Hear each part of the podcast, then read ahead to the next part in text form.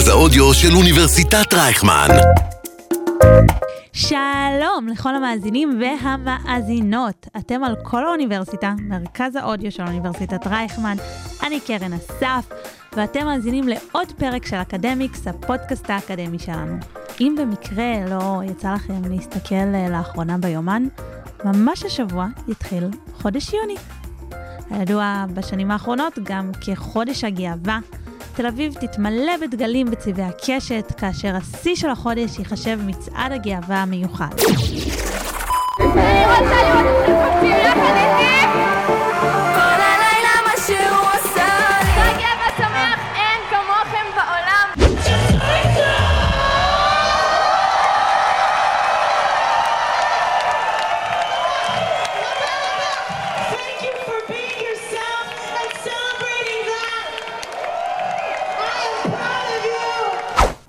מצעד הגאווה הוא לא רק הליכה צבעונית, הוא מחאה, הפגנה להתרת זכויות חוקיות לחברי הקהילה, וציון של הדרך הארוכה שעברנו ביחס ללהטב"קים.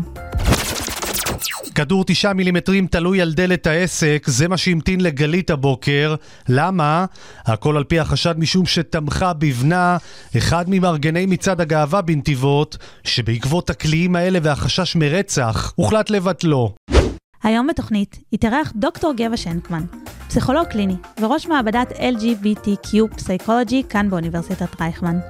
יחד נדבר על מהו בכלל מחקר להטב"קי, מהם הקשיים הייחודיים שמתמודדים איתם חברי הקהילה, וגם הוא יעביר מסר אופטימי בכל הקשור להורות גאה. מעברון ומתחילים. אקדמיקס. אקדמיה בגובה העיניים. עם קרן אסף. אז שלום, דוקטור גבע שנקמן, פסיכולוג קליני ומרצה בבית הספר לפסיכולוגיה כאן באוניברסיטת רייכמן, וגם ראש מעבדת LGBTQ פסיכולוגי. שלום. שלום, צהריים טובים. טוב, האמת שאני רוצה להתחיל ובכלל אה, להתייחס אה, לטייטל הזה, ראש מעבדה יהודית לנושא, חקר הנושא הלהטב"קי. הקיום של זה הוא, הוא בפני עצמו בכלל אה, דבר שהוא ממש לא מובן מאליו. אותי זה מאוד משמח, זה משמח, אני חושב שזה חשוב ורא- וראוי, ואני מקווה שעוד ועוד אה, אוניברסיטאות יוסיפו מעבדות כאלה אצלהם. אמ, עוד לפני שנדבר על אה, מה אתם חוקרים במעבדה, אני רוצה להעלות סוגיה מקדימה. היום לא תמיד כל כך ברור מי, מי בכלל אה, נחשב אה, להטב"ק. אה, אז באמת יש איזושהי מטריה של, אה, של הגדרות, שאני אישית חושב ש... the more the merrier, כאילו כמה, כמה שנצליח uh, to include יותר זה יהיה מצוין. Uh, אז להטב"ק בגדול זה לסביות, uh, הומואים, uh, ביסקסואלים, טרנסג'נדרים, קווירינג, או יש כאלה שיגידו questioning, אנשים ששואלים, uh, ואנחנו הרבה פעמים אפילו מוסיפים פלאס, כאילו כל ההגדרות הנוספות שיכולות להיות uh, הבינארי ופאנסקסואלי, ובאמת הרבה הגדרות אחרות, uh, כדי שאנשים יוכלו למקם את עצמם בתוך הקשת הזאת. וזה בעצם, חשוב להבהיר, זה, זה מרחב שלם, זאת אומרת, זה לא רק העדפה מינית, זה אה, מגדר. גם זהות מגדר, נכון, גם זהות מגדר. האם אנשים אה, מרגישים אה, גבר אה, או אישה, או, או שלא מוכנים להגדיר את עצמם תחת אף אחת מההגדרות האלה. וזה גם נושא שהשתנה לאורך השנים, מה אנחנו בכלל מוכ- מכלילים תחת המטריה הזאת. לגמרי. אני חושב שרוב האנשים מניחים שיש קשר אוטומטי בין סקס, מגדר ונטייה מינית. סקס במובן של, של מין. אה, זאת אומרת, אם נולדת זכר, הם מניחים שאתה תתנהג כמו גבר, התנהגות גברית, ושאתה תימשך לנשים, לדוגמה. אה, ואנחנו בעצם יודעים שהקשר הזה הוא לא מחויב אה, מציאות. אתה יכול להיוולד זכר ולהתנהג כמו גבר גברי ולהימשך לגברים. ואת יכולה להיוולד כנקבה ולהתנהג בצורה מאוד מאוד נשית ולהימשך לנשים. אז כאילו זה, זה אין קשר הכרחי בין מין, מגדר ו- ונטייה מינית, ולכן חשוב ל- to- לעשות inclusion mm-hmm. לכל האופציות הנוספות. שמעתי בריאיון עבר שלך, שסיפרת על זה שאנשים יכלו אה, לתאר, אה, לדווח במחקרים על זה שהם נהנו מקשר אה, זוגי, מיני עם אה, בן המין שלהם, אבל לא סירבו להגדיר את עצמם כהומואים או לסביות. איך מנהלים מחקר שמתבסס בסופו של דבר על הגדרה עצמית, שאנשים לא מוכנים להגדיר את עצמם בגלל סטיגמות, בגלל מה שלא יהיה, אבל... אה, אז, אז יש כאן כמה רבדים, אבל כן כחוקר אני, אני אשאף אה, להיות כמה שיותר אה, אה, מסונכרן עם השטח. ובמובן הזה, כן, יכול להיות שמבחינה סטטיסטית זה יקטין לי את הדגימה, כי הם לא ייכנסו לי לדגימה הלהטבקית, כי הם לא יזהו את עצמם שם.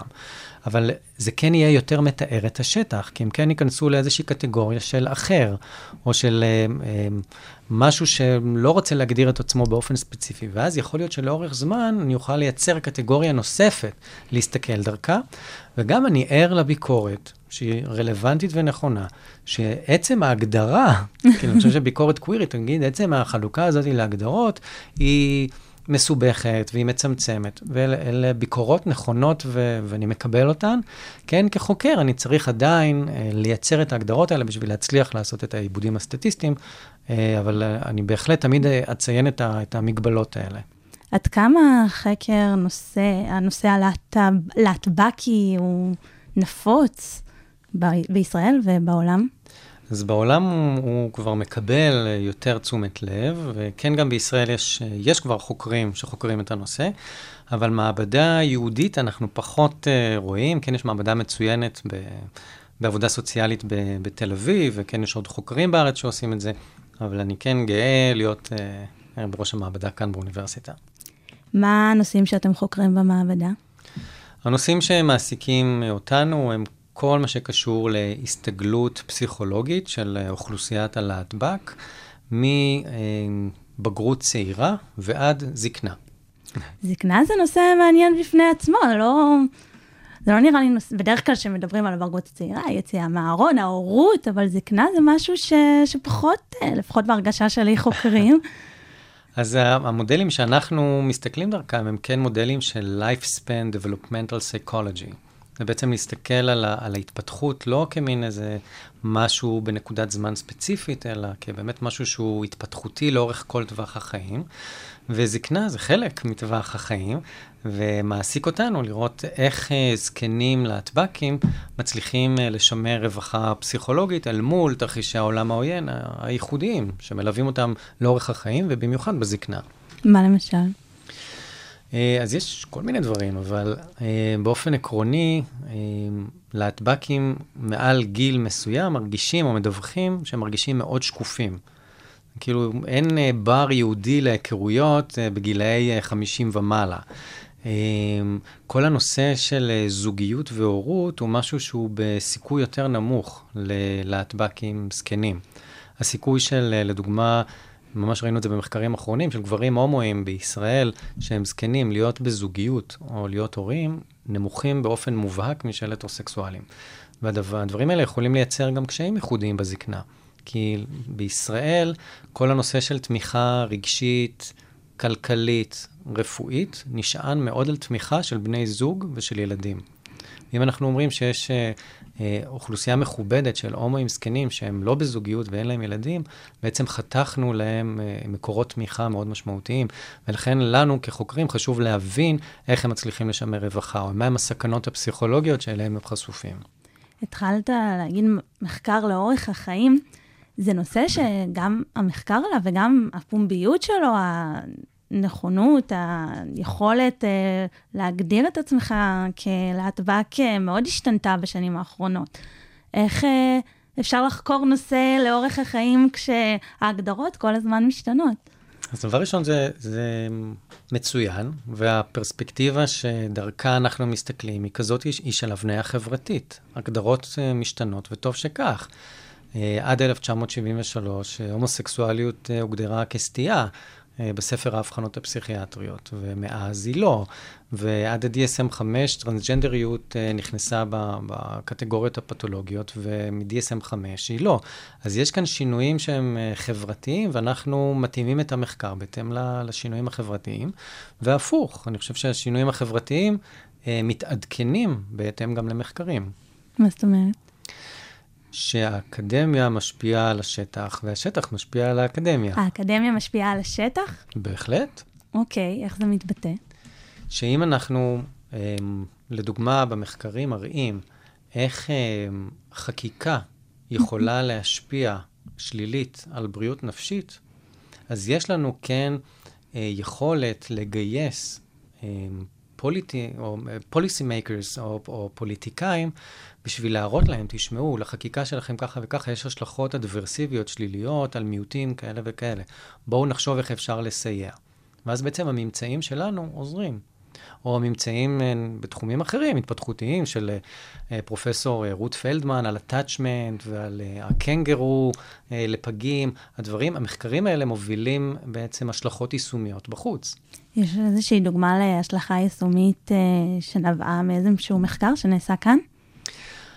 אני לא חושב שבאופן ישיר, או הייתי רוצה להאמין ש, שאנחנו יוצרים איזשהו אימפקט, אבל כן אנחנו מנסים ל, אה, לאתר אה, תרחישי עולם עוין שהם בקורלציה אה, עם השלכות שליליות לבריאות הנפשית, אנחנו מנסים לטעון איך כל הנושא של אפליה לגבי הורות פוגעת גם במוטיבציות של הומואים ולסביות להיות הורים, וגם בבריאות הנפשית שלהם. ואלה ממצאים שיש לנו.